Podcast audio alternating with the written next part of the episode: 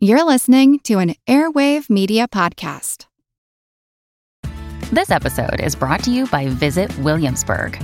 In Williamsburg, Virginia, there's never too much of a good thing. Whether you're a foodie, a golfer, a history buff, a shopaholic, an outdoor enthusiast, or a thrill seeker, you'll find what you came for here and more.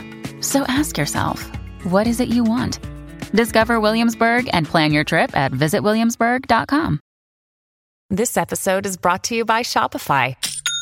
Forget the frustration of picking commerce platforms when you switch your business to Shopify, the global commerce platform that supercharges your selling wherever you sell. With Shopify, you'll harness the same intuitive features, trusted apps, and powerful analytics used by the world's leading brands. Sign up today for your $1 per month trial period at shopify.com slash tech, all lowercase. That's shopify.com slash tech. Hey, everybody, we're doing something a little different today. Instead of a regular episode of Kick Ass News, we want to share a clip from our friends over at the Get Wired podcast.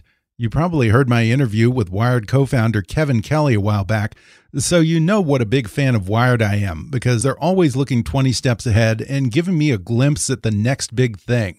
I've been waiting for them to do something in the podcast space for a while now, so I'm so glad that they did because it's just terrific and it's a perfect expression of what Wired does and what Wired is all about.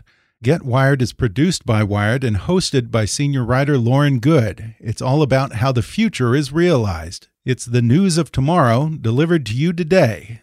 The show is nerdy, innovative, and heavy on research. There are stories that you can trust on everything from the rise of virtual beings and the science of fire tornadoes to heavy hitting reporting on the racist history of surveillance tech. I also love the recent interview with Bill Gates.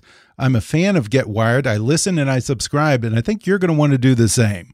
New episodes drop every Monday. We're about to play a clip in just a moment, and if you like what you hear, listen and subscribe to Get Wired wherever you get your podcasts.